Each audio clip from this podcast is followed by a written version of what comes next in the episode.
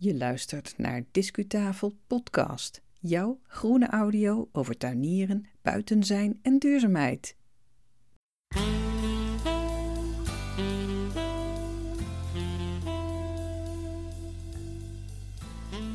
Dit is aflevering 149 van jouw favoriete groene audio. Hallo! Mijn naam is Yvonne Smit en deze aflevering staat online sinds 21 september 2023. De vorige aflevering, dat was nummertje 148, toen zijn we begonnen met het opruimen in de tuin, het maken van plannen voor het komende tuinjaar. En daarnaast hebben we ons uh, bekommerd om uh, wat nakomertjes in je tuin. En deze keer staan andere klussen op ons programma die je in september en de eerste weken van oktober kan doen. Als de aarde nog redelijk warm is en als het nog behoorlijk uh, lang licht is buiten en je zonder al te dikke kleren lekker naar buiten kan. Als je nou deze podcast op een heel ander moment in het jaar hoort, in maart of in juni, helemaal geen probleem. Ik weet zeker dat je dan toch wat tips kunt meenemen. Tegen het einde van deze aflevering vat ik nog eens de besproken werkzaamheden samen van de vorige keer en van deze.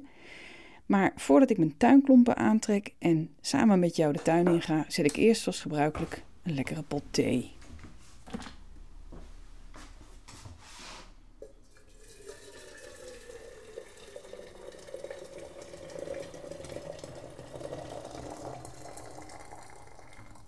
Ik ben benieuwd welke tip jij gaat meenemen van deze aflevering. Nu de septembertuin in voor deel 2 over tuinklussen op de drempel van je oude naar je nieuwe tuinjaar.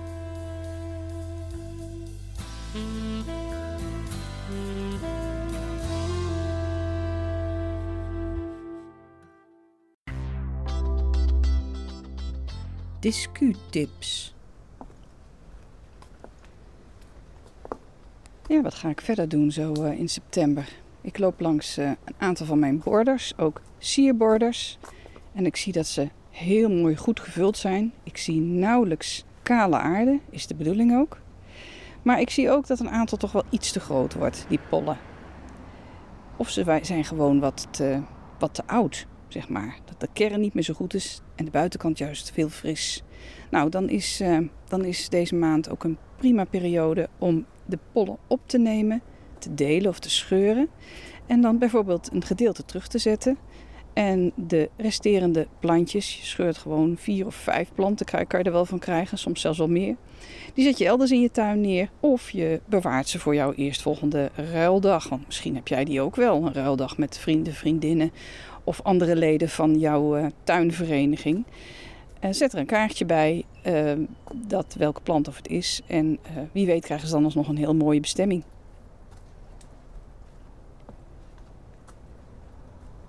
Ik heb ook uh, knoflook besteld. Dat verwacht ik eerdaags. En knoflook uh, kan je in september tot en met november, in ieder geval voor de kerst. Maar ja, ik ben meestal wel uh, vrij vroeg daarmee. Kan je uitplanten. En het is heel leuk om dat te combineren met winterblaadjes. Daar komen we zo direct op terug. Want in het begin, als jij die knoflook plant, heeft hij natuurlijk nog heel weinig ruimte nodig. En is de grond kaal. En wij willen geen kale grond. We willen de grond zoveel mogelijk bedekken en benutten. Dus ehm, Straks een tip rondom die winterblaadjes in combinatie met knoflook. Ik loop nog even langs wat borders en ik maak nog even wat aantekeningen over de planten die ik uh, deze maand uh, even wil opnemen en wil, uh, wil scheuren en delen en terugplanten.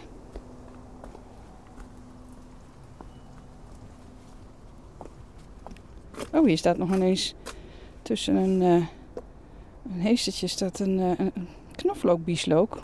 Maar die, die hangt helemaal over het pad heen. Dus dan moet ik ook even noteren dat ik die ga opnemen straks. En ergens anders terugzet op een betere plek.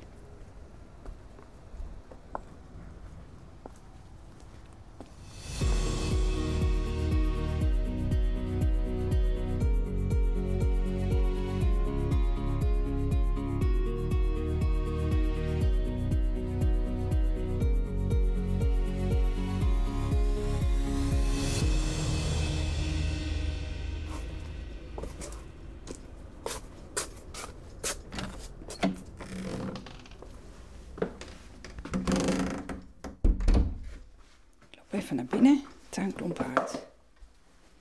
En ik loop naar de bak waar ik mijn uh, zaden in bewaar.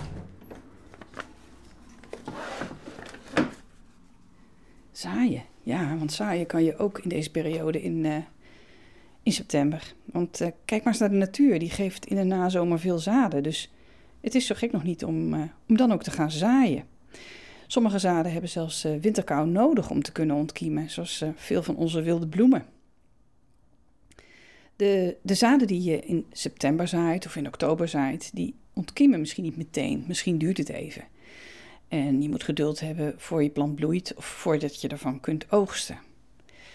En uh, soms zul je ook merken dat je, even plat gezegd, gewoon nat gaat. Dat het niet lukt, omdat het weer in de winter tegenvalt. Dan kan een beetje bescherming helpen in de vorm van een, uh, een uh, tunneltje, een kastje misschien, andere bescherming. Maar de opbrengst, als je die wel hebt, is die vaak veel eerder dan bij zaden die je in het voorjaar zaaiden. Dus het kan best de moeite lonen. De natuur heeft het vaak zo bepaald dat zaaien in het najaar het beste werkt. Belangrijk is natuurlijk wel dat de zaden vorstbestendig ofwel winterhard zijn.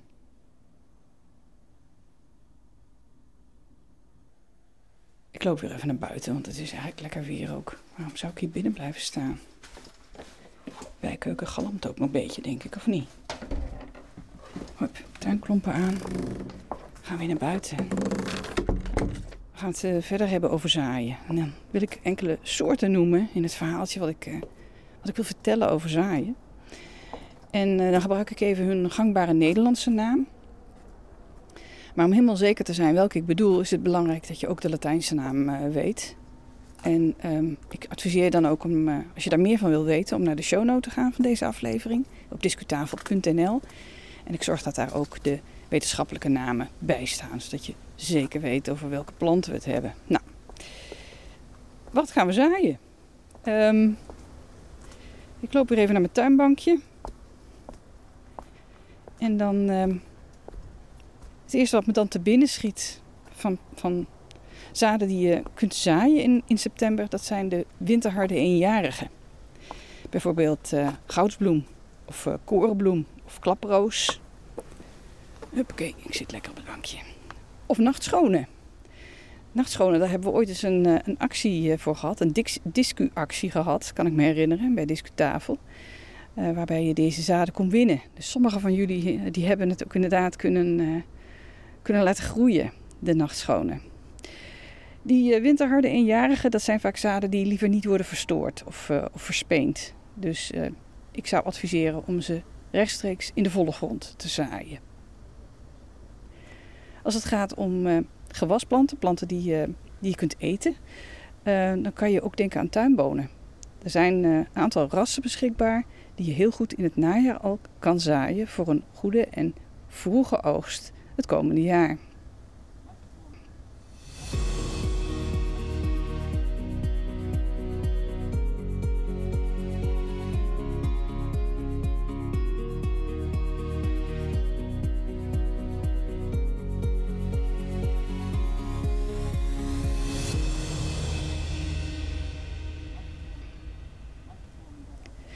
En dan wat ik noem je winterblaadjes. Ik had het daar straks al even over. Wat bedoel ik nou met winterblaadjes? Nou, dat zijn die kleine blaadjes die je kunt eten gedurende de winter, het uh, donkere seizoen. Denk dan vooral aan blaadjes van de brassica, van uh, verschillende kolen, pluk, plukblaadjes van verschillende kolen. Er zijn mixen in de handel, er zijn ook uh, één soort in een zakje in de, in de handel. Die kan je heel goed uh, buiten zaaien. Sommigen hebben liever wat bescherming van een tunneltje of van een hobbykas. Zelf ga ik ook weer bladselderij zaaien. En dat doe ik dan in de hobbykas of onder een tunneltje. En er zijn nog twee andere winterblaadjes die ik even wil noemen. En dat zijn de populaire veldsla en vooral de winterpostelijn. Die heeft het de afgelopen jaren bij mij in de hobbykas heel goed gedaan maar hij is ook goed te gebruiken in de volle grond. Nou, tot zover dan de, je winterblaadjes, zeg maar. Maar er zijn ook wel vaste planten die je nu kunt zaaien. Ik heb daar niet zo heel veel ervaring mee, maar het schijnt dat uh, bijvoorbeeld Rudbeckia ook in september kan worden gezaaid. Maar bedenk wel dat dit soort zaden wel wat vochtige grond nodig hebben. En je weet het maar nooit in het Nederland van nu. We kunnen ook in het najaar heel veel droogte hebben, dus hou dan dat zaad in de gaten. Zelf heb ik ook wel eens bieslook en knoflookbieslook gezaaid, maar dat is dan meestal in de eerste week van september. En misschien dat je deze podcast iets te laat daarvoor hoort, maar dan kan je er een notitie van maken voor volgend jaar. Of uh, je probeert het alsnog.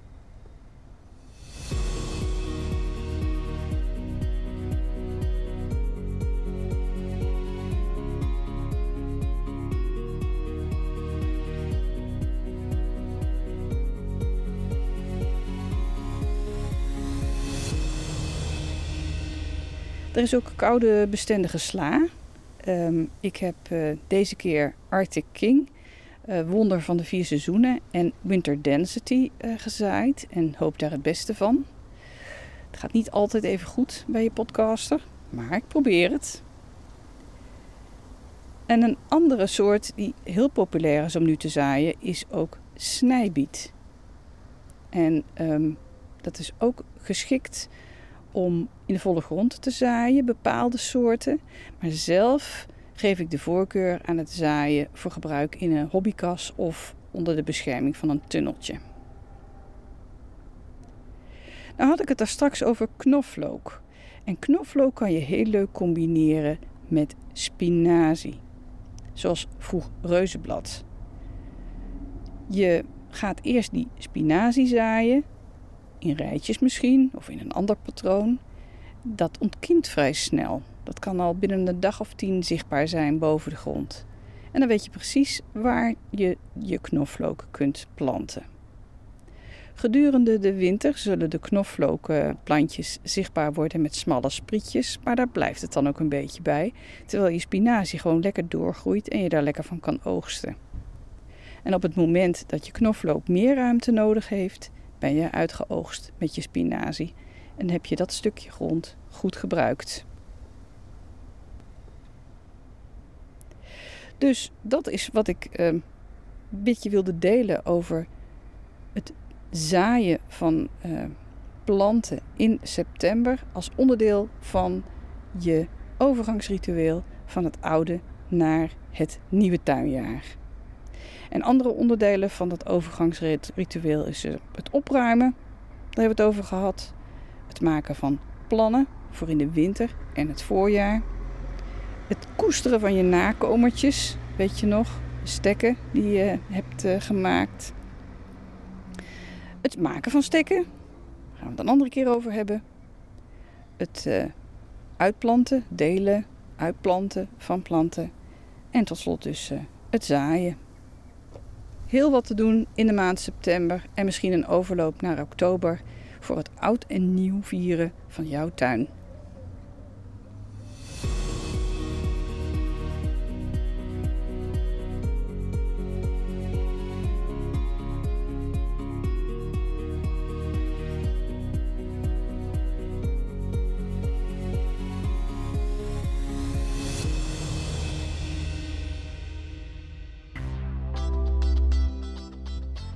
Discuslot.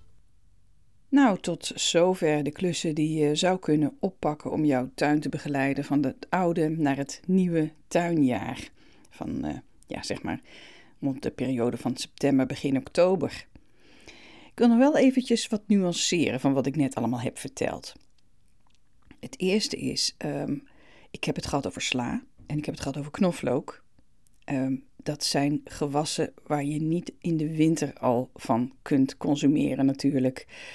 De sla die ik noemde, die zijn, uh, dat is meestal uh, goed in het uh, voorjaar en de knoflook oogst je vaak in juli of zo. En er zijn natuurlijk meer klussen om te doen dan die ik allemaal heb genoemd.